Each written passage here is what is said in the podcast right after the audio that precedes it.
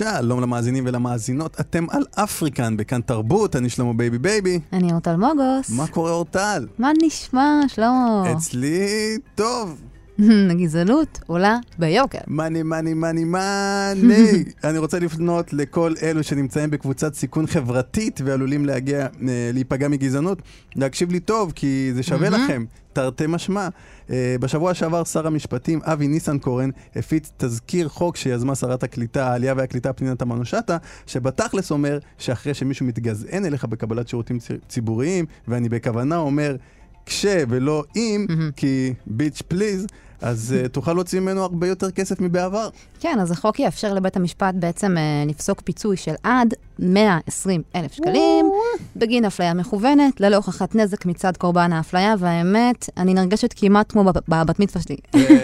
ממש מזכיר את הקופה בכניסה לעולם. לגמרי, תאר לך שעכשיו אה, גזענים ישלמו פי כמה. איך בא לי לעצבן איזה שונא שחורים רנדומלי, לקבל את הכסף, ואז לעשות טיול מטורף מסביב לעולם. כשהשמיים ייפתחו כמובן. אתה יודע, תמיד כשאני רואה את הכתבות האלה, אני מרגישה שאיכשהו פספסנו את הרכבת, אז אה, אני אומרת, די, stop, בוא נתמחר את הגזענות. כן, בוא נראה כמה כסף יכל באמת קדימה. להיות לנו. בוא, בוא נתחיל לעשות את זה. אה, אוקיי, אז... Uh, כש... אתה יודע, כשהייתי בלימודים, המורה התגזענה עליי, זה 20 אלף? נגיד? כן. אוקיי. וכשאתה יודע, אה, אה, כשהמוכרת בחנות בגדים עקבה אחריי עד לתא הלבשה, אה, כי היא חשבה שאני אגנוב משהו, מה נראה לך מוכרת שאני אעשה לך נמלטים? זה עוד לא. 15,000 כי אני סלחנית. וכשאימא שלי ניסתה לרשום את אחי הקטן לחב"ד וסירבו לקבל אותו כי הוא אתיופי, 80 אלף? זה נראה לי עד הסוף. 80 אלף. זה נראה לי 120 אלף. 120, אוקיי, נלך, זה אוקיי. פשוט עד הסוף. אני גם uh, עכשיו בתקופה הזאת, שבאמת אנחנו לא עובדים, אשמח לקבל קצת כסף, אפילו אם הוא לא אמיתי. קדימה, תמחר לי. אז uh, זוכר אירוע, uh, מקרה שהיה, כך היה. אה, אני והבת זוג שלי אה, יצאנו, אז היא הייתה רק, היינו רק חברים, אה. ויצאנו לבילוי במועדון באחד, מה, באחד מערי המרכז, ולא הכניסו אותנו למועדון, היינו רק שנינו, זוג, בטענה שלא היינו רשומים כמובן, שזה חרטא בפיתה, כי אנחנו ראינו, ראינו אנשים נכנסים ככה בלי בעיה. נורא נורא נפגעתי, ואני חושב שזה שווה לפחות 60 אלף לכל אחד. הופה. 120 אלף צ'יצ'ינג. אה, ועוד אירוע uh, שקרה לי זה שהייתי, הלכתי להופיע באיזה מלון, mm-hmm. uh, כנס של uh, ראשי ערים, ראשי ערים, uh, ב- לא ראשי ערים, מנהלי מרכזים uh, בעירייה uh, של כל הארץ. Uh, mm-hmm. נכנסתי למלון, כנראה היו... לתומך. לתומי, לא לתומי, לעבודתי. uh, היו שני חדרים... Uh, שבהם הת, אה, התקיימה, שהתקיימו כנסים. Mm-hmm. נכנסתי כנראה לאחד החדרים שבו לא התקיימו, אה, ובאתי קצת בתמימות, נכנסתי כזה, הכנסתי את הראש mm-hmm. לשאול, סליחה, עוד לא סיימתי את השאלה, וצעקות, תצא מפה, מה אתה עושה פה, ו... מי זה השחור הזה? כן, ואני חושב, אני לא רוצה להגיד שזה היה... לגמרי כן אתיופי, למרות שזה היה מעליב בצורה שאני מכיר את הטון של הזלזול, אני חושב שהייתי מצליח להוציא משם 15 אלף קל. גדמת. כן, גדמת לגמרי, זה 135 אלף שקל, כבר. מעולה. זה אוטו חדש. מעולה. מעולה. כי נכון. תראי, זה, זה בשורה, בסופו של יום. זה בשורה, אבל צריך להגיד, אתם צריכים להיות סבלניים, אחים שלנו, ועקשניים לא פחות, כי הבירוקרטיה הורגת. לתקווה גדעון, זוכת האח הגדול, אה, לקח כמעט שלוש שנים לתבוע גזענית במסעדה שהיא ניהלה, שצעקה לה מי נתן לנהל אה, את המסעדה. כן, אה, אז היא באמת, היה לה את ה... את היכולת uh, התמדה הזאת, והיא התמידה והלכה וטבעה, אבל מה קורה אם אתה אתיופי נחמד? Mm-hmm. שאלה mm-hmm. אמיתית. שאלה באמת חשובה. ותראה, הדיפולט זה שלא יהיו באמת גזענים, שלא תהיה בירוקרטיה ושהכול יהיה אידיאלי, אבל מה לעשות שבינתיים זה לא קורה? אז אני אגיד לך מה כן יקרה. I have a dream. Yeah. שבעוד חמש שנים כל נפגעי הגזענות ישבו, מה זה טוב, הגזענים יפסידו מלא כסף, וכל ההיררכיה הכלכלית והחברתית תתהפך. מותר לחלום? זה מדהים, את יודעת ששאלו אותך, מאיפה האוטו? מה, איפה אתה עובד? אני לא עובד, עובדים בשבילי. uh, אז uh, מהפה שלך, כמו שאמרת, לחשבון בנק שלי. ושלי. ואם כבר מדברים על גזענות והדרה, כמו שאמרתי, uh, אז uh, סדרת הסאטירה המוצלחת, היהודים באים, uh, בשבוע שעבר העלתה... מערכון מאוד מוצלח ונוקב.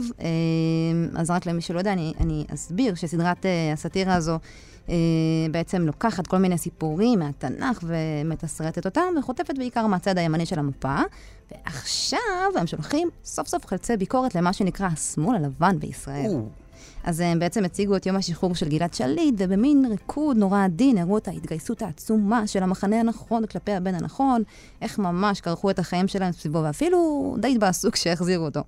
אה, אז במערכון באמת רואים אותם מקפלים את החפצים שלהם במעל למען גלעד, אה, בדרך השגרה הפריבילגית שלהם, ואז אחת הפעילות מזנקת והיא אומרת שחטפו עוד בחור. ואז היא אומרת את השם של אברה מנגיסטו, והם פשוט uh, אוספים את כל החפצים שלהם, עושים את עצמם כאילו הם לא שמעו, והולכים. אז uh, יהודים, סחה על הביקורת. סחה על הביקורת. הפאנץ' האמיתי שם זה, זה כמו שאמרת, שהם התבאסו, אה, במרכאות, שהוא חזר, כי אז כאילו הם איבדו סוג של עניין בחיים, הם היו צריכים לחזור לשגרה המשעממת כן. שלהם, אז הם דווקא רצו שיקרה משהו, אה, ואז אמרו להם, אה, אה, יש אה, עוד אה, חטוף, והם היו ברבאק, בואו נעשה את זה. אה, ואז היא אמרה את השם אברה מנגיסטו, והם אה, התקפלו שזה באמת ביקורת חדה ונוקבת. אה, ואני רק אציין שהחודש ימלאו לו 34 שנים. הוא נכתב כשהוא היה בן 29 והוא נמצא כבר בשבי החמאס 2,175 ימים, שזה למעלה מחמש שנים. אה, ואנחנו אומרים, תחזירו אותו כבר למשפחה שלו, זה שקוף, שקוף לכם. תחזירו אותו כבר. שקוף ליהודים באים ושקוף לנו, אה, וכולם מבינים את זה. כן, אז uh, מזל טוב, אברה מנגיסטו. כן, ואת רוצה לשמוע מה יהיה לנו היום? בוודאי. אנחנו נדבר עם מנהלת החפירה הארכיאולוגית מאיה אורון מרשות העתיקות, על הגילוי באתר ליד דימונה, ועל מוצאו של ה... והמסע, מוצאו והמסע של האדם המודרני מאפריקה לשאר העולם. ואנחנו נדבר עם העיתונאי והאקטיביסט אייל גטו על uh, ספורטאים שחורים ומצליחים, שכל מה שהם רוצים לעשות זה שינוי חברתי, ויהיה המחיר אשר יהיה. יס! ועכשיו אנחנו נשמע את השיר קומבולה של אמנדה בלק ואמי פאקו. kukukhumbula Cause been another day like this. Lerubuye Uyazwagalana Ndiyakhumbula Cause been another day like this.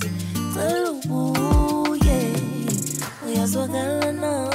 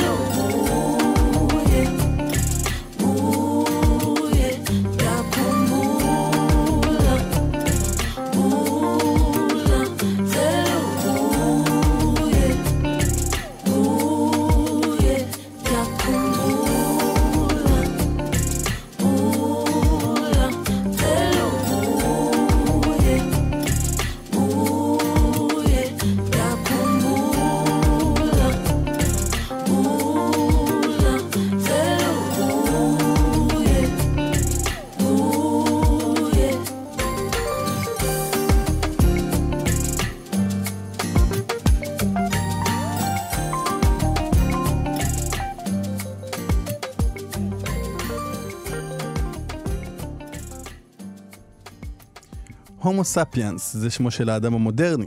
בני אדם מודרניים התפתחו לראשונה ביבשת אפריקה לפני כ-200 אלף שנה, ומעט לאחר מכן החלו להתפשט בהדרגה לשאר יבשות העולם.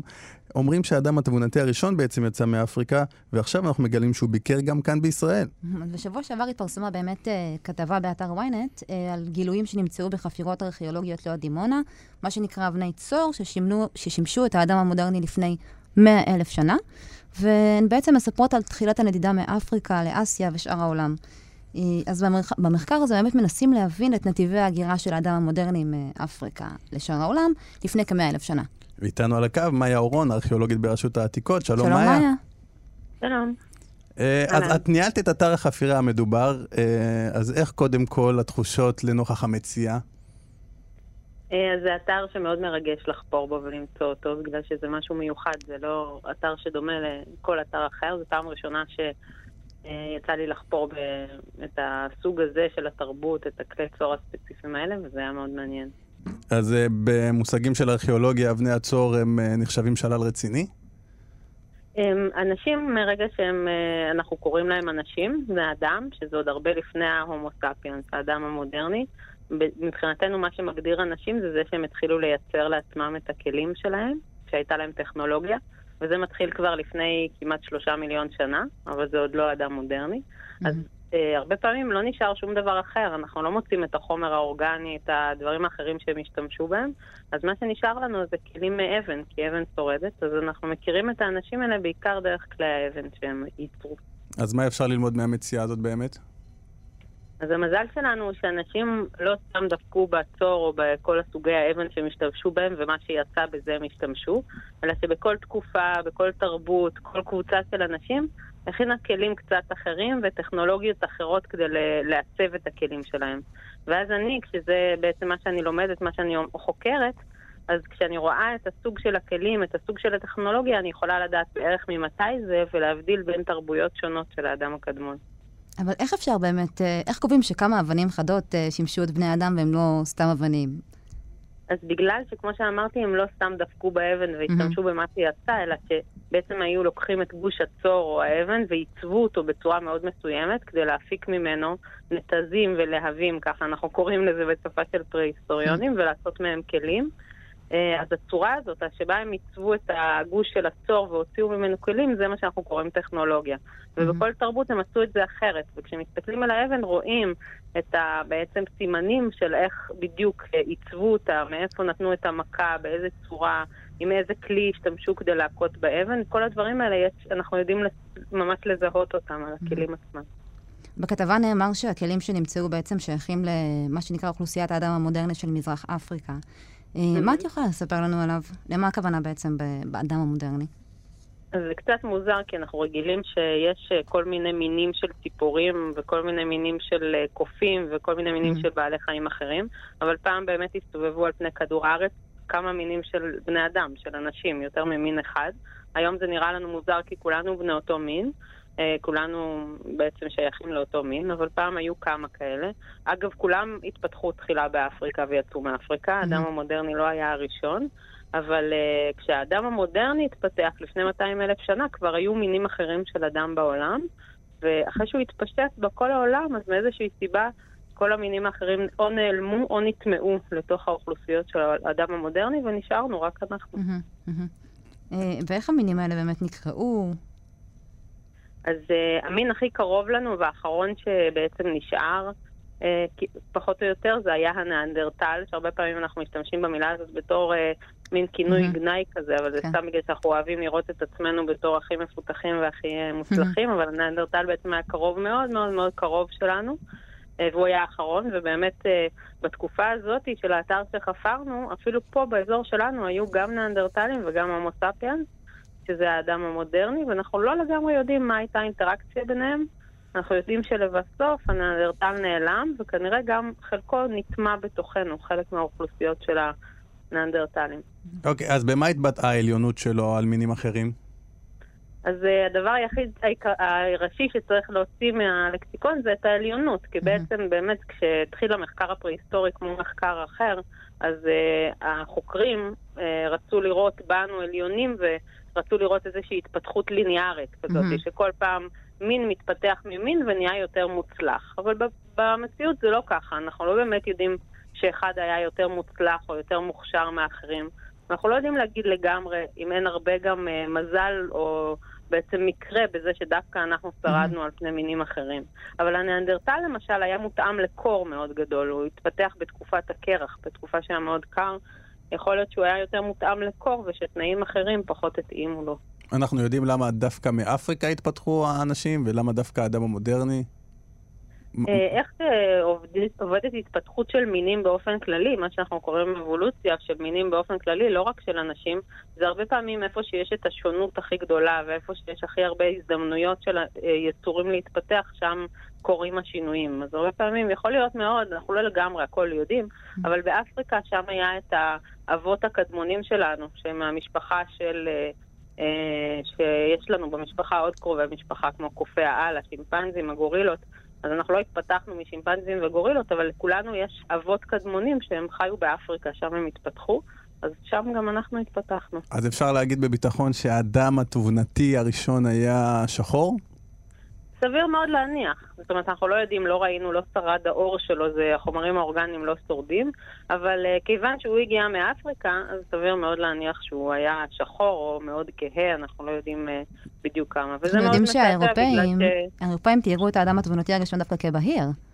נכון, אז זה בדיוק אה, מה שרציתי להגיד, שזה באמת מאוד אה, מלמד אותנו בעיקר על האופי שלנו כאנשים, שכשחקרו את הניאנדרטלים וההומו ספיאנס באירופה, ששם יש ניאנדרטל ואז מגיע הומו ספיאנס והניאנדרטל נכחד, אז תמיד ציירו את הניאנדרטלים אה, כהים, לא שחורים, אבל עם שיער מקורזל ושחור, ועם הרבה שיער על הגוף, ונמוכים כאלה. הפכו את היוצרות. ואת ההומו ספיאנס ציירו, בלונדיני, גבוה, עם עיניים נשמע מוכר. כן, כמובן. והיום אנחנו יודעים שזה כנראה היה הפוך. עד כמה שאנחנו יודעים, הניאנדרטל היה אה, בלונדיני, עם עיניים כחולות. הוא היה מותאם למזג אוויר האירופאי, אה, וההומו ספיאנס שבא מאפריקה, אם הוא לא היה שחור, הוא היה לא, לכל הפחות. רגע, אז אה, ההומו ספיאנס באו, לוסי מצאו אותה בעמק ההומו. היא התגלית שבעצם... מתחילה את כל התיאוריה לגבי הומו ספיאנס, נכון? או, היא הרבה הרבה לפני הומו ספיאנס. לוסי שייכת לקבוצה אחרת מאוד מאוד קדומה של אה, אנשים שהם אפילו לא היו אנשים ממש, הם היו דומים לנו בזה שהם הלכו על שתיים וכבר התחילו להכין כלים, אז אנחנו שמים אותם בעץ המשפחה שלנו, אבל היא שייכת לקבוצה של אה, טיפוסי אדם שנקראים אוסטרלופיטקים, סליחה על הקללה הארוכה. אוסטרלו זה אוסטרליה, זה, קוראים לו אוסטרליה כי היא היבשת הדרומית, אוסטרלו זה דרומי, ופיטקוס זה קוף, אז היא הקוף הדרומי, ככה היא קיבלה את השם הזה. אבל בעצם היא כבר משהו שהוא בדרך להתפתחות שלנו, ממנו התפתח אחר כך מין שנקרא הומו ארקטוס, שהוא היה כבר יותר דומה לנו, והוא הראשון שיצא מאפריקה והתפשט בעולם. ואחר כך התפתח, מההומו ארקטוס התפתח אה, יחד עם כל מיני קבוצות נוספות בדרך, ההומו ספיאנס, וגם הוא יצא מאפריקה. וגם הוא לא עשה את זה פעם אחת, זה היה גלים של הגירה, שכל פעם אנשים יצאו מאפריקה. תגידי, לא יכול להיות שהשחורים הם עדיין אדם מודרני והלבנים הם ניאנדרטל, פשוט שיודעים להתלבש? טוב. תראה, היום אנחנו יודעים, בגלל המחקר הגנטי, שבחלקנו יש גנים של ניאנדרטלים, כן? אז מי שיש לו גנים של נאנדרטלים זה כנראה האירופאים, כן? אבל אני לא בטוחה שזה דבר רע. לא, בכלל לא. הנאנדרטלים היו גם סבבה. כן, הם קיבלו את השיער לפחות, את יודעת, אנחנו, כן. את השיער החלק. אבל איפה באמת... הטינדים, הם זכרו בזה משם. אבל איפה באמת אנחנו רואים את השינויים מאדם אחד שהוא כנראה שחור, לכל מה שאנחנו רואים עכשיו, שזה, את יודעת, כל הדמויות, שזה סינים, ערבים, אירופאים, במרכז אמריקה. זו התפתחות מאוד איטית של אנשים שיוצאים מאפריקה ובמקביל התפתחות מקומית של כל mm-hmm. האוכלוסיות שהיו בכל מקום בסין. זה לא שכל פעם בא ואז נעלם ובא מישהו אחר, אלא הייתה התפתחות מקומית ואוכלוסיות התערבבו אחת עם השנייה עם הגל הגירה הבא. אבל בעניין הצבע צריך לדעת שהחוקרים שחוקרים גנטיקה, הם בעצם מראים לנו שהדבר שמשתנה הכי הכי מהר בתכונות של הבן אדם, בגנטיקה שלו, זה המראה החיצוני. זאת אומרת mm-hmm. המראה החיצוני, הצבע של העור, הצבע של העיניים, הצבע של השיער, זה הדבר האחרון שצריך להסתמך עליו אם אנחנו רוצים ללכת על קרבה בין אוכלוסיות אחורה. כי זה משתנה היום. בכמה מאות שנים ואפילו בכמה אלפי שנים, אפילו בלי הערבובים שיש היום. זאת אומרת שזה דבר שמשתנה מאוד מהר, הדברים האלה. הם לא מרמזים כמעט כלום על ההתפתחות של אוכלוסיות קדומות. במיוחד בעצם- היום, כמו שאני אומר, כי יש היום גם מכוני שיזוף והחלקות, אז ככה ש... בכלל, זה נכון. אז בעצם אנחנו אה, בעוד כמה שנים אה, נראה אחרת לגמרי? נמשיך להשתנות, האבולוציה תמשיך לקרות לנו? אני חושבת שאחד הדברים שהיום משפיעים ולא היו בעבר זה שאנחנו כל הזמן עוברים ממקום למקום וגם פוגשים אנשים ממקומות רחוקים וזה גם משפיע על איך שאנחנו נראים. אבל בעיקרון כן, אם היום יש אירופאים שעברו לאפריקה וימשיכו לחיות שם במשך כמה מאות שנים ואלפי שנים, הם יהפכו להיות מותאמים יותר לקרינה או. לתנאים המקומיים והם מהמם. כנראה יקבלו את הצבעים שמתאימים יותר, ואותו דבר אנשים שיעברו לאירופה ואוכל- ויחיו שם לאורך זמן. זה פשוט, אנחנו מתאימים את עצמנו די מהר לסביבה. אוקיי, ואם אנחנו, שאלה אחרונה, נקשר את כל הסיפור למקום שלנו, אה, איזה אנשים, איזה מין חי פה בישראל?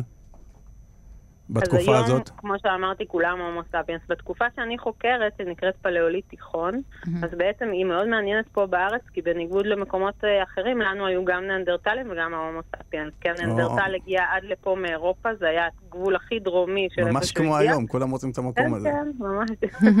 וה- וההומו ספיאנס הגיע לפה גם, ואנחנו לא יודעים כל כך מה הייתה האינטראקציה ביניהם, אבל יש חוקרים שחושבים שרואים עדויות לזה שהם פשוט התערבבו, שהם פשוט לא היו כל כך שונים.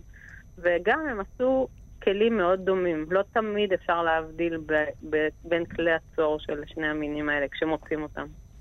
מעולה. אה, תודה רבה, מאיה אורון, ארכיאולוגית ברשות העתיקות. בבקשה, ערב טוב. להתראות, ערב טוב. אז עכשיו אנחנו נעבור לשיר של אול היילה, קדמי נתק קדמי.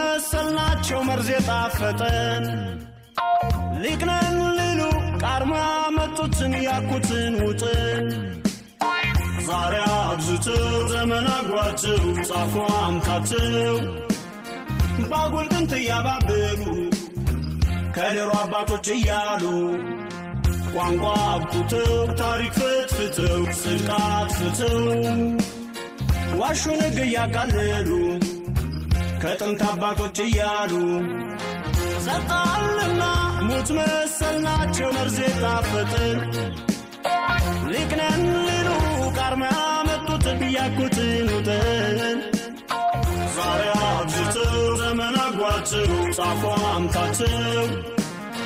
ባጉል ጥንት እያባበሉ ከድሮ አባቶች እያሉ ቋንቋ አብቁተው ታሪክ ፍትፍተው ስልቃት ፍተው ዋሹን እያቃለሉ ከጥንት አባቶች እያሉ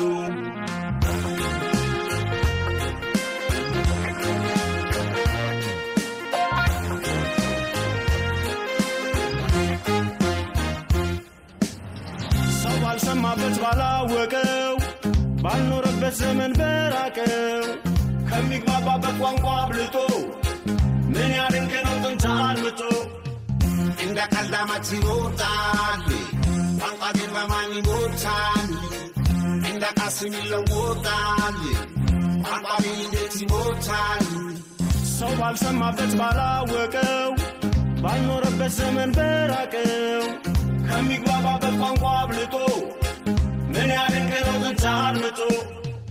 እንደ ቀልዳማት ይወጣል ቋንቋ ግን በማን ይሞታል እንደ ቃስም ይለወጣል ቋንቋ ግን እንዴት ይሞታል ሰጠንና ሙት መሰል ናቸው መርዝ የጣፈጠን ሊቅነን ሊሉ ቃርማ መጡትን ያኩትን ውጥን ዛሬ አብዝተው ዘመን አጓቸው ጻፉ አምታቸው ባጉል ጥንት እያባበሉ ከድሮ አባቶች እያሉ ቋንቋ አብቁተው ታሪክ ፈትፍተው ስልጣን አጥፍተው ዋሹን ሕግ እያቃለሉ ከጥንት አባቶች እያሉ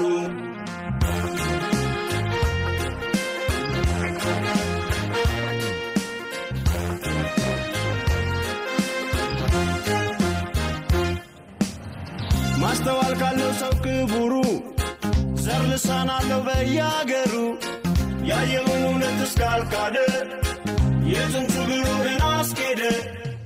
ማብላለጥ የለም በቋንቋ እውነት በውሸት ካልተለካ።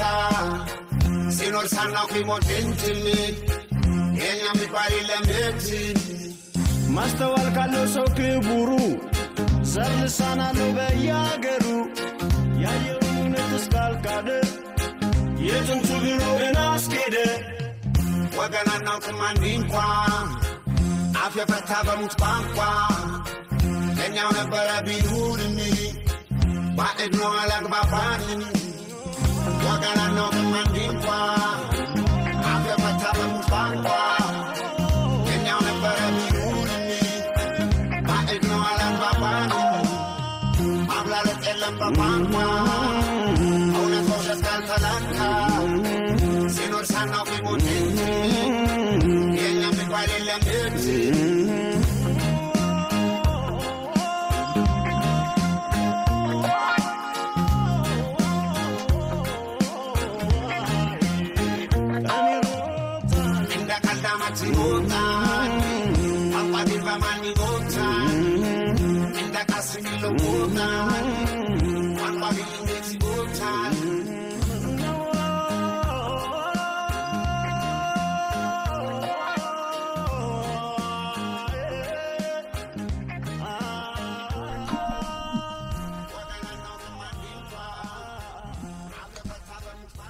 חדשות, חדשות, חדשות. אה, מוכנה לדברים שקורים באפריקה? תמיד. אז בואי נתחיל בזימבבואה. הנשיא, נשיא המדינה אמרסון מננגואה, מנ, מנ, מנ, חתם על הסכם פיצויים על סך 3.5 מיליארד דולר לחוואים לבנים שפונו מאדמותיהם בתחילת שנות האלפיים. אה, זה היה תחת שלטונו של רוברט מוגאבה. מכירה את רוברט מוגאבה? ספר לי. זה הנשיא המיתולוגי של אה, זימבבואה, נשיא קשוח מאוד, הוא היה אה, בעד, אה, בעד שחורות, אה, אפשר לה- להאשים אותו בגזענות, אני חושב. למה? קצת, כי הוא ממש... מה זה בעד שחורות? הוא ממש אמר דברים קשים מאוד על לבנים, סילק אותם כמובן מהמדינה, אה, ועכשיו מחזירים אותם עם פיצויים של שלוש וחצי מיליארד. אוקיי. דולר, בדולר, שזה המון. כאילו, רוברט מוגאבה הוא זה שסילק אותם לפני 20 שנה, והנשיא החדש, אה, אוקיי. כן, אבל עכשיו הנשיא החדש הוא זה שסולק להם. בדיחה לאנשי נותני שירות. את יודעת מה מפתיע אותי, אבל בנשיא החדש? אבל על מה? למה לשלם- להם כסף? אה, כי הם צריכים אותם כנראה. אבל את יודעת מה מפתיע אותי? כן. אה, הנשיא החדש, יש לו שם, אמור להיות פשוט, מתחיל אופטימי כזה, אמרסון. והשם משפחה שלו, זה צירוף של אותיות שאני לא בטוח. אני לא יודע למה, למה, כאילו, התחלת טוב. התחלת טוב, אחי. עכשיו, אני אגיד לך מה אותי מפתיע באמת אחרי הידיעה הזאת על גובה הפיצויים שהם שילמו להם. כן. כל הפרסומות האלה שאנחנו רואים בטלוויזיה, אה, על פיצויים, נכון? יש את כל ה... פרסומות על חברות ביטוח שהביאו פיצויים לעובדים שנפגעו, או כל מיני כאלה, והם מאוד גאים בהם. כאילו, בפיצויים שהם השיגו, ופתאום שלוש וחצי מיליארד דולר, אתה יודע, הפיצויים שלהם נשמעים עצובים כמו אודישן בכוכב נולד. עכשיו, גם אותי מעניין דבר אחד, איך בן אדם שקיבל שלוש וחצי מיליארד, זה לא בן אדם אחד, זה מעט מאוד, אבל זה כמה, 400 חוואים, אולי, לא, לא יותר מדי חוואים, הסכום הזה מתחלק ביניהם. ואני אומר, איך בן אדם כזה, שקיבל סכום עצום כזה, יכול להתחייב, שכל בוקר עכשיו הוא הולך להאכיל סוסים, כאילו... אני, אחרי ה-750 שקיבלתי מהמדינה, מביטוח לאומי, לך נכנס? לא נכנס לי. עוד לא, אז אני, לי, ברוך השם, קיבלתי אותם, ואני ישר, איך שהכסף נכנס לחשבון, קיבלתי את ההודעה, החלפתי ממכנס וחולצה לחלוק. אתה נח. אני נח ואני מיליונר כרגע. ומה מה קרה בניגריה? אה, המוזיקאי אה, עזיז פשולה. פשולה או פשולה, הידוע יותר בכינויו נאיר אמר לי, אה, שהוא זמר אפרוביט מאוד מאוד מצליח, הודה שהפר את הסגר שהיה במדינה בעקבות הקורונה, לטובת תופעה. הזמר נקנס בסכום של לא פחות מ-100 אלף. אז לא רק בישראל... אה, אה, אבל זה ניירה, שזה, שזה 100 אלף ניירה, שזה כולה 258 דולר, שזה 878 שקל, אז, אה, אז זה לא כזה הרבה. אה, תלוי את מי אתה שואל. אבל את מי מסתבר... שלא קיבל את המענק. נכון, נכון. אבל מסתבר שלא רק בישראל סלבס אה, מפרים נכון, הנחיות. כנראה, זה איזה סימפטום שיש לכולם. אני, ואני מקווה בשבילו שהוא הפר את הסגר לטובת ההופעה, אבל שההופעה לא התבטלה, שהוא אני לא סתם הגיע. מקווה בשבילו שהוא לא יצטרך מכונת הנשמה, וגם לא בשביל המעריצים שלו. כן, אני אגיד לך, אה, אומנם זה רק 258 דולר, והוא באמת, כמו שאמרנו, מיליונר, הוא לא צריך, זה לא מזיז לו הסכום הזה, אבל דין פרוטה כדין מאה, וזה משהו שאני הבנתי אה, במהלך התקופה הזאת. לגמרי. אני, אני הבנתי שאני לא אני חושבת הערכתי, שבאופן כללי אנשים פשוט... מזלזלים בכסף. לא, לא, אנשים פשוט התחילו כאילו לחסוך, פחות קונים. כי אין לנו כסף, אנחנו לא עובדים. כן, אבל אני כן. אגיד לך מה, אני פשוט לא הבנתי אה, את הערך האמיתי של 500 שקל. אני ראי, אני, באמת, אני... את רואה בחדשות את הסרטונים, את כל הוידאוים, כן. איך אנשים נלחמים בשוטרים כדי לא לשלם את ה-500 שקל האלה. זה... נכון. זה... זה לא טייזר, כאילו, זה כסף, זה הרבה כסף, אה, 500 שקל, אבל זה לא... 500, זה לא כסף ש, ששווה לחטוף בשבילו טייזר, הבנת? זה לא חווה 500 שקל, זה לא כסף ששווה לחטוף בשבילו תיק במשטרה, זה לא, ש, זה לא כסף ששווה להיות בשבילו מעצר בלילה, אבל לא הערכתי נכון, מסתבר שזה כן שווה. אז אנשים רבים עם שוטרים, וזה מצולם, זה נהיה ויראלי, מגיע לחדשות, ואז כל המדינה מכירה אותך. עכשיו, אה, זה ידוע שהם כולם רוצים להיות מפורסמים, ויש כל כך לגמרי. הרבה דרכים להתפרסם. אז מה, זה יצט... לככב בסרטון אלימות משטרתית? הדרך הגרועה ביותר. לגמרי. תחשבי נגיד מישהו עכשיו אה, בסרטון ויראלי כזה. אה, רוצה להתקבל לעבודה? לא להתקבל לעבודה, תחשבי דברים יותר חיוביים, יוצא אוקיי. למועדון, הכניסו או, אותו, אוקיי. הכניסו אותו. מישהי פונה אליו, אומרת לו, אתה מוכר לי מאיפשהו. רזית אולי, הפרצוף שלך היה פעם יותר נפוח, או השתנית בצבע, או היה יותר כחול, לא יודע, אני חושב שאני פחות מתחבר לקטעים האלה של הצילומים. אם חס וחלילה אני נקלע לסיטואציה כזאת, הדבר הראשון שאני מבקש זה תכבו את המצלמות. אז מה קרה בנימביה? בנמיביה, נמ- נמיביה, סליחה. אה, נמיביה דחתה הצעה גרמנית לסכום כסף מכובד בגין אה, רצח המוני של רבבות ילידים לפני יותר מ-100 שנה. אה, אין ספק שהשיח, אה, שהשיח החדש על גזענות ופיצויים באפריקה צובר תאוצה, אבל נמיביה בוחרת להגיד לא, לא על חשבון היח"צ. אה, ומה שפוצץ הכל זה החשש של גרמניה להשתמש במילה המפחידה פיצויים. כי אז זה אומר שהיא תצטרך להכיר בפשעים שהיא ביצעה ולקחת עליהם אחריות משפטית. אז הם לא רצו לעשות את זה, ועכשיו באותו זמן מדינות אחרות באפריקה שעוקבות אחר הנעשה, חושבות לעצמן, היי, למה לא לרוקן קצת את הגזענים במילא? זה ממש closure עם הפתיחה שלנו. כן, אה, עוד ידיעה אחת משמחת נורא זה שהיה סרטון אה, נורא ויראלי של אה, ילד אפריקאי גם מניגריה, אז ילד ניגרי אנחנו נקרא לו, לא ילד אפריקאי. ילד מניגריה שרקד בלט ככה מחוץ לבית וקיבל מלגה. כן, זה היה מרגש מאוד, מלגה באחת ה- באחד מבתי הספר הנחשבים. יפה מאוד. כן. חדשות טובות, סיימנו עם חדשות טובות. בשורות טובות. בשורות טובות שיהיו תמיד. אז אנחנו עכשיו נעבור לשיר של אוברי קוואנה, מולו. imbalabala umswenko ngathi uthingo lenkosazana umkabayi kajama kulokhu kuvuleka amafu phezulu emkhathini kukhala inkanyezi ebisithekile kimi ithi abantu abalithandi iqiniso ngakho konke okwenzayo kwenzisisa ukuze uma bekuzonda bekuzondela into ekhona ngoba emphakathini esiphila kuyo uphenduka inhlekisa nje uma uthi uzama ukuphila iphupho lakho. Sesibonga lona igolide kwandonga ziyaduma buka manje sesiqale sinciplike ngaphambi kokuthi siconse sesinokusonka ngesipeletu uma sithanda sesikhuphula imendlela usiko siliphathiswa kwezikhathi zamantungwa abangani bamanga. Ngeke ubaqede ingakho ngithi molo mhlobo wami phinde ubhale futhi cofi ngabe sengiyabhala.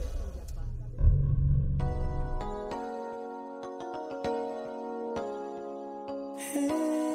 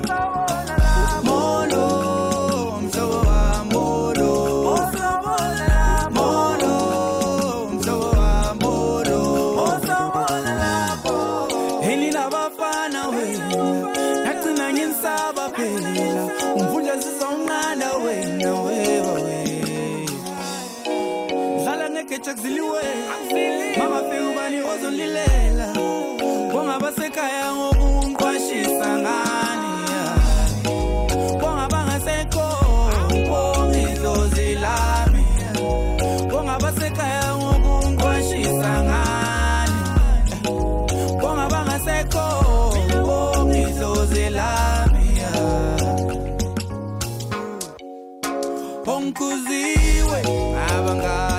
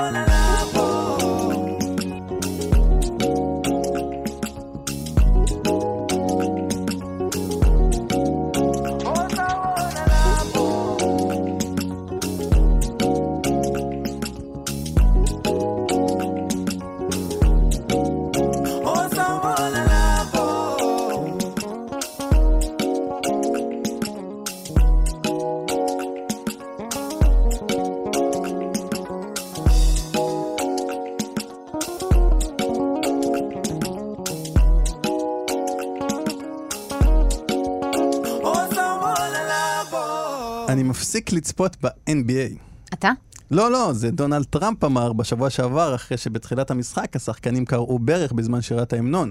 התגובה של לברון ג'יימס, שהוא אולי השחקן הבכיר ביותר ובטח פופולרי לא פחות מטראמפ, אה, ענה, אני באמת לא חושב שקהילת הכדורסל עצובה מזה שהוא יפסיק לצפות במשחק. 2020 היא היא שנת בחירות בארצות הברית, ונראה שיותר משטראמפ מוטרד מיריבים פוליטיים, הוא מוטרד מספורטאים עם אג'נדה. אה, ומי שהתחיל את תנועת קריאת הברך הפופולרית שאנחנו רואים היום, הוא שחקן הפוטבול קולין קפרניק, שנזרק מהליגה, וחזרתו לליגה הייתה, הייתה תלויה בתנאי שלא יקרא ברך שוב. אז אה, קפרניק וג'יימס הם באמת לא הספורטאים היחידים, ובטח לא הראשונים שנאבקים על מה שנראה להם הדבר הנכון. אה, ספורטאים אפרו-אמריקאים מאז ומעולם הביעו הזדהות עם עוולות חברתיות. אחת מהמחאות הפומביות המפורסמות הן של ג'ון קרלוס וטומי סמית, שהם בעצם שני אתלטים שחורים, זוכי מדליות באולימפיאדת מקסיקו ב-1968. אה, ובעצם בטקס הענקת אה, המדליות הם עלו, הם עלו לדוכן אה, בגרביים שחורים וללא נעליים, בעצם במחאה כנגד העוני בקרב שחורים בארצות הברית. ואז, כשנוגן המנון ארצות הברית, הם הרכינו את הראש והם הניפו אגרוף עטוי כפפה שחורה, כאקט של אה, מחאה בעצם. אה, על מצב השחורים בארצות הברית, אז המחאה הזו בעצם אה, מזוהה כהצעדת הכוח השחור, ואז כשהם ירדו מהפודיום, הקהל ש- שרק להם בוז. אז אה, זו באמת תמונה ממש חזקה, שהונצחה בעיתונים רבים ברחבי העולם, והיא נחשבת לאחת ההצהרות הפוליטיות הידועות בהיסטוריה של המשחקים האולימפיים. אז השניים זכו לביקורת קשה ולגינוי, הן מצד הוועד האולימפי והן מצד הממסד והציבור האמריקאי. בהמשך הם גם נודעו על ידי מוסדות הספורט האמריקאים, הפכו מטרה אה, שנואה, הם, הפ- הם, התעללו, הם עברו התעללות והטרדה, ואפילו קיבלו איומים על חייהם ועל חיי משפחותיהם. אה, איתנו על הקו העיתונאי והאקטיביסט אייל גטו, שידבר איתנו על זה. שלום אייל. שלום אייל. ערב טוב. ערב טוב. אה, אז ממה שאנחנו יודעים זו שהייתה שרשרת אירועים אה, מעניינת בארצות הברית, אה, ו- ושארצות הברית חוותה מצד הספורטאים. מה קרה שם? כמו שהתחלתם אה, בשיחה ביניכם, צריך לחזור באמת לשנת 2016 לאירוע של אה, קולין קפרניק, שהוא בעצם מחליט שהוא קורע ברך בזמן אה, נגינת ההמנון האמריקאי. ואת זהו, את ההחלטה הזו הוא מקבל אחרי שהוא מתייעץ עם, עם חייל אמריקאי, אגב לבן, שבעצם ממליץ לו אה, למחות בצורה הזו. וזה מתחיל שרשרת של אירועים שמביאה אותנו בעצם לרגע הזה. אבל אני רוצה להקדים ולומר שהיסטוריה אמריקאית, היסטוריית הספורט האמריקאית, היסטוריית הספורט האמריקאית השחורה, רוויה בהרבה מאוד אירועים של מחאה, של אה, מפגנים מאוד מאוד חזקים ועוצמ- ועוצמתיים, בין היתר גם המפגנים של, אה, של ג'ון קרלוס ו- וטומי סמית ומוחמד עלי וביל ראסל, קרים אבדול ג'אבר, באמת ספורטאים גדולים בקנה מידה עולמי שבחרו לעמוד על שלהם ולהפגין עמדה מחאתית וזה זה לא משהו חדש. כן, ואנחנו אה. באמת רואים שזה גם לא רק חברתי, מוחמד עלי זה גם היה פוליטי. אז איך זה שאנחנו רואים כל כך הרבה ספורטאים צעירים, אה, עשירים, שהצליחו כנגד. כל הסיכויים לצאת מהשכונה, להצליח, אה, ובוחרים להיות פעילים בנושא שמסכן להם את הקריירה? אה, קודם כל כנראה שזה חשוב להם, זה מספיק חשוב להם כדי להעמיד את הדבר הזה לנגד ההצלחה, לנגד הכסף, לנגד היוקרה וכל הדברים ש, שה, שההצלחה הזו מביאה איתה. אה, אבל באמת, כמו, כמו, שד... כמו שאמרנו קודם, עצם העובדה שיש איזשהו רקע היסטורי שהוא מאפשר, זה, זה מרחב שמאפשר באמת אה, סוג של מופעים מהסוג הזה, ומעבר לזה, זאת אומרת, יחד עם זה, יש גם אה, איזושהי היסטוריה שהיא מאוד מאוד בעייתית, ההיסטוריה האמריקאית, כלפי האוכלוסייה השחורה שבתוכה. היסטוריה שאי אפשר, אה, אי אפשר לשבת אה, בשקט כש, כשאנחנו רואים את מה שאנחנו, את מה שאנחנו רואים. זה אותם ספורטאים צעירים שמצליחים לפרוץ את כל תקרות הזכוכית הקיימות ומגיעים למקום שבו הם נמצאים, גם הם בסופו של דבר חיים בחברה הזו, וגם הם עדים למה שקורה. כן, אבל הם, אבל הם לא, הם, ב- הם לא חסינים. לזה? באיזשהו אופן, מתוך המוצלחות שלהם, מתוך אה, זה שהם מזוהים ב- בתור מי שהם. קודם כל, אני לא, אני לא חושב שהאזרח האמריקאי השחור, הממוצע, חוויית החיים שלו היא דומה לחוויית החיים של, לדוגמה, לברון ג'יימס. ממש לא. ב- בכל המובנים שלא נחשוב עליהם.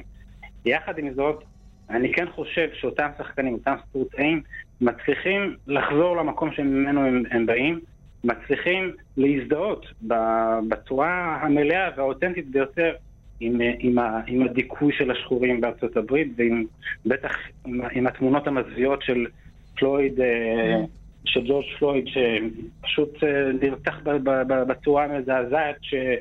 בצורה הכי מזעזעת שיכולה להיות, ואי אפשר לראות את התמונות האלה ולשבת במגדל השן ולהגיד שהסיפור הזה לא קשור אליי. ואני חושב שרוב השחקנים האפרו-אמריקאים בליגת ה-NBA וב-NFL ובעוד ועוד ליגות אה, משמיעים את כולם, את קולם בצורה נחרצת וברורה. מהמם. ומעורבות חברתית זה בעצם משהו שאנחנו רואים גם אצל מפיקים שחורים, ספייק לי, או דונלד, מפיקים, אה, זמרים כמו דונלד גלובר, אה, שהוא בעצם אה, עשה את is אמריקה. אפשר לומר שמעורבות זה משהו שמאפיין באופן כללי את הקהילה האפרו-אמריקאית, מעורבות חברתית? זה עוד איך, זה, זה, זה המפגן. זאת אומרת, כש, כשיש איזושהי קבוצה, זה לא משנה איפה, שעוברת איזשהו תהליך של דיכוי, המקום הראשון, או בעצם הפעם הראשונה שאותה קבוצה יכולה להצהיר על הכוונות שלה, באמצעות מחאה, באמצעות מפגנים, באמצעות אה, הפגנות, באמצעות אה, כל מיני אה, אמירות וסיסמאות שהרבה פעמים אותם אה, ספורטאים, אותם אה, אנשי בידור, פוליטיקאים, מביעים בצורה מאוד מאוד ברורה מה הכוונות שלהם ומה הם רוצים להשיג. וה, אה, והצורת המחאה הזו השתרשה בצורה מאוד מאוד עמוקה בתוך הקהילה האפרו-אמריקאית. שוב, לנוכח ההיסטוריה המאוד מאוד עגומה של ארצות הברית. אי אפשר לנתק את שני הדברים, שני הדברים הולכים בד בבד. כן. מצד אחד היסטוריה אפלה ומדכאת ומאוד מאוד בעייתית, מצד שני קבוצה שמתנגדת להופעתם של גילויים מהסוג הזה גם היום. תמיד משווים בין מייקל ג'ורדן אה, ללברון ג'יימס, אה, והחלק אה, ש, שלברון ג'יימס עולה עליו בוודאות זה המעורבות החברתית. עכשיו, אני זוכר שעל מייקל ג'ורדן הייתה ביקורת מאוד מאוד קשה על זה שהוא לא הביע דעה ברורה כשהוא היה בטופ. ועכשיו הוא מנסה לכפר את זה, אני מכפר על זה עם כל מיני, מה זה עם כל מיני, עם תרומות מאוד מאוד גדולות שתומכות במאבק השחור לגבי באלימות כאילו, המשטרתית. הוא מצליח. לכפר, הוא מצליח באמת לכפר על זה? הוא משיג את הכבוד האבוד שלו בתחום הזה? אני חושב שלא, אני חושב שמייקל ג'ורדן היה ספורטאי ענק, אולי הספורטאי, אולי הכדורסלן הגדול בכל הזמנים. אה, לצד זה, הקהילה השחורה אה, זוכרת ל- למייקל ג'ורדן כמעט את ההתנערות המלאה שלו מהשחורות של עצמו. אה, מייקל ג'ורדן הגיע לאיזושהי רמה אה, שאני לא חושב שיש ספורטאי, לא, לא היום וגם לא בעבר, שהגיע אליה. הוא, הוא הפך להיות יותר גדול אפילו מהמשחק עצמו. כן, לגמרי. והגדולה הזו, הגדולה הזו, לצערנו הרב, הביאה אותו למקום משתק, שהוא לא יכול להגיד את מה שהוא חושב, שהוא לא יכול להגיד את מה שהוא מרגיש, מהמם. אלא להתמקד אך ורק בהעצמת, ה...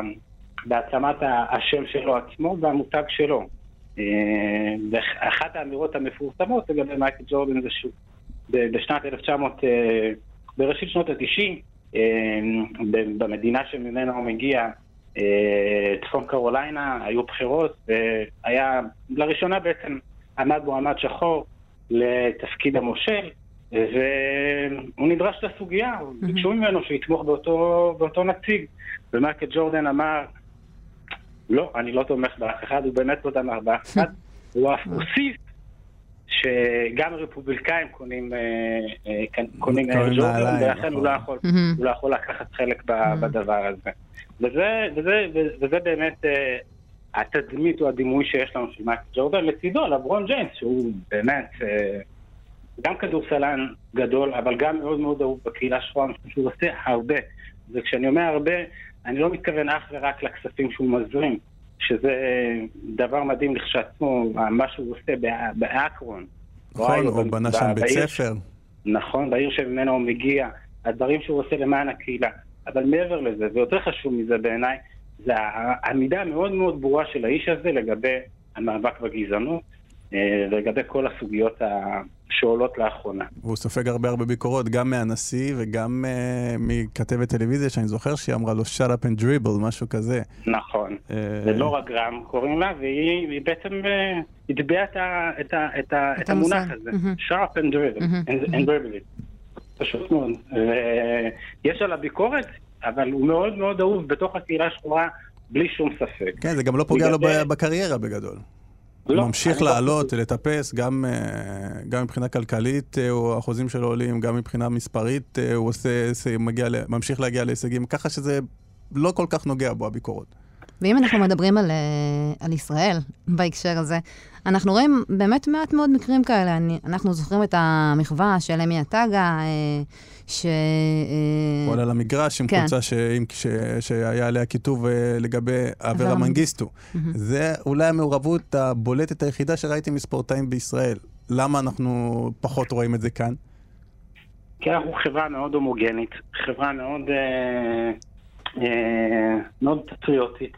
אה, נורא קשה לבקר, נורא קשה לבקר את, ה, את הממסד, בטח בהקשרים חברתיים מובהקיים. אה, אה, כשאנחנו מדברים על קבוצה מסוימת מתוך המארג הארץ הישראלי, מהמם. נורא נורא קשה אה, לעמוד ולהביע מחאה. אה, בטח כשאתה... כשאנחנו מדברים על קבוצה כל כך קטנה כמו יוצאי אתיופיה בישראל, ובכלל, כשאנחנו נכנסים לעולם הספורט, אנחנו באמת נכנסים למספרים מאוד מאוד קטנים של, אה, אה, של ספורטאים ממוצא אתיופי שמצליחים לפרוץ את אותן תקרות זכוכית ולהגיע למעמד דומה או זהה למעמד של אה, שחקנים אפרו-אמריקאים. אז יש פה, התשובה שלי בעצם מתחלקת לשניים. חלק אחד זה באמת עצם העובדה שהנוכחות של יוצאי אתיופיה במרחב הזה היא מאוד מאוד מצומצמת. הסיבה השנייה היא שבאמת אנחנו חיים בחברה שהיא חברה מאוד מאוד הומו- הומוגנית, שהרעיון המחבר בתוכה הוא הרעיון של אה, הזהותי, של עצם העובדה שאנשים פה הם יהודים, וכל מי שאיננו יהודי הוא לא חלק מהדבר הזה, אבל מי שהוא יהודי הוא חלק מהדבר הזה, והוא גם חייב לשמור על כל מיני כללי התנהגות מסוימים.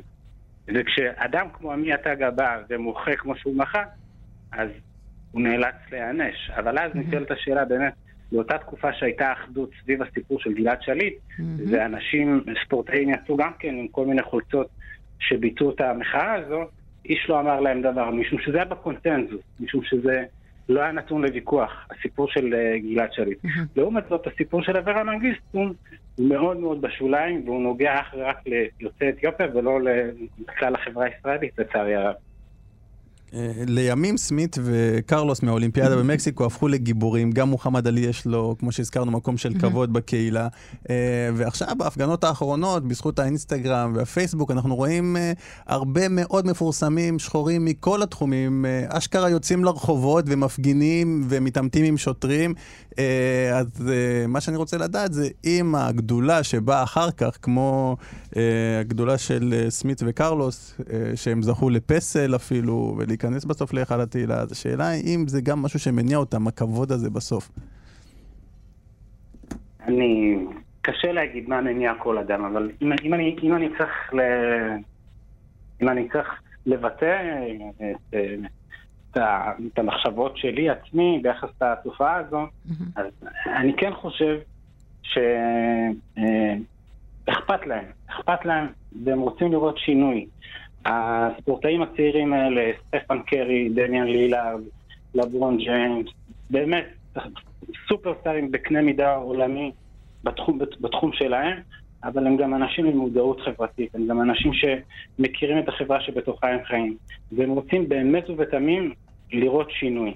לצד זה, כמובן, ככל שאתה הופך, אה, בארצות הברית, ככל שאתה הופך יותר ויותר אדם אה, עם דעה, אדם עם, אה, עם, אה, עם איזשהו אה, מאבק מסוים שאתה מחזיק, זה כמובן נותן בוסט ל, ל, לאישיות שלך ול, ולמותג שלך.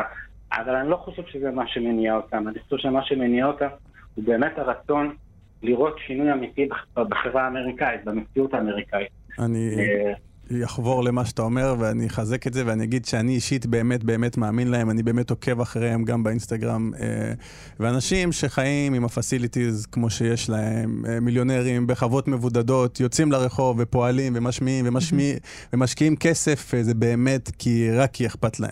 אני רוצה להודות לך, אייל גטו, רבה. עיתונאי ופעיל חברתי.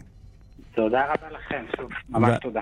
בכיף. ואנחנו נסיים את התוכנית. אה, אנחנו רוצים להגיד תודה רבה למאזינים ולמאזינות. אני רוצה לומר תודה לחברתי באולפן, אורטל מוגוס. תודה, שלמה. ולעורך שלנו ניר גורלי, אתם יכולים להאזין לאפריקן בכל יום רביעי בין השעות 5 ל-6 בתדר 104.9 FM, 105.1 FM, וכמובן אפשר להאזין לנו גם באתר ובאפליקציה של כאן, ולעקוב אחרינו בפייסבוק, אפריקן.